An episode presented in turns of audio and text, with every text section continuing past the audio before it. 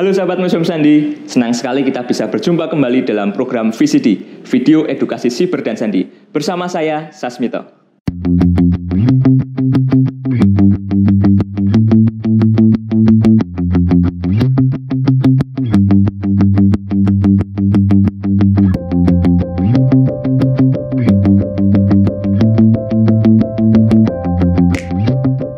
Episode kali ini kita akan membahas tentang penggunaan persandian di dalam pemerintahan maupun di dalam kehidupan sehari-hari kita. Nah, kalau kalian sahabat museum sandi kira-kira pernah menggunakan persandian untuk apa? Atau masih ada yang bingung ya, sebenarnya persandian itu apa? Nah, daripada bingung, mari kita bahas bersama-sama. Yang pertama, penggunaan persandian di dalam pemerintahan.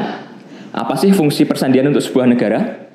Seperti yang sudah pernah dijelaskan pada episode-episode sebelumnya, dulu di awal kemerdekaan pada tahun 1946, Persandian merupakan alat komunikasi penting dalam menyampaikan pesan.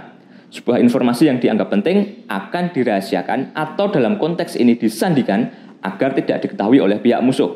Seterusnya, persandian juga digunakan ketika perwakilan Indonesia mengikuti perundingan maupun diplomasi-diplomasi dalam rangka mempertahankan kemerdekaan Republik Indonesia. Lalu untuk saat ini, bagaimanakah peranan persandian di dalam pemerintahan? Saat ini, persandian berperan dalam rangka mengamankan komunikasi penting sebuah negara. Sebagai contoh, komunikasi antara pemerintah pusat negara Indonesia dengan kantor-kantor kedutaan luar negeri yang ada di belahan bumi lainnya. Sebuah informasi penting akan disandikan agar tidak diketahui oleh pihak lain.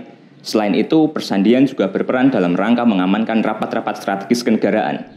Yang kedua, penggunaan persandian dalam kehidupan sehari-hari. Sahabat museum seni tahu nggak kalau dulu ternyata kentongan merupakan alat yang digunakan untuk menyampaikan pesan.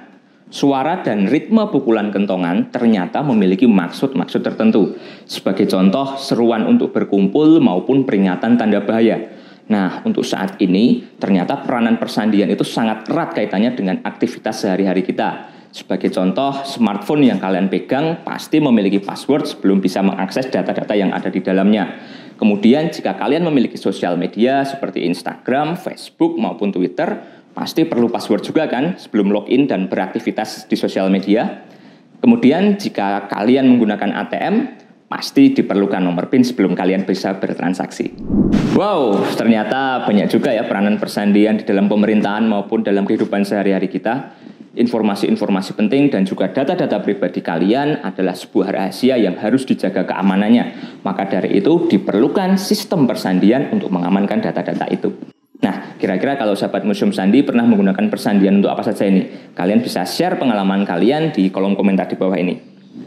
Oke, sekian episode kali ini. Dukung terus channel ini dengan cara subscribe dan nyalakan lonceng dan juga update terus informasi-informasi terbaru dari Museum Sandi dengan memfollow Instagram Museum Sandi di @museum.sandi. Sampai jumpa di episode berikutnya.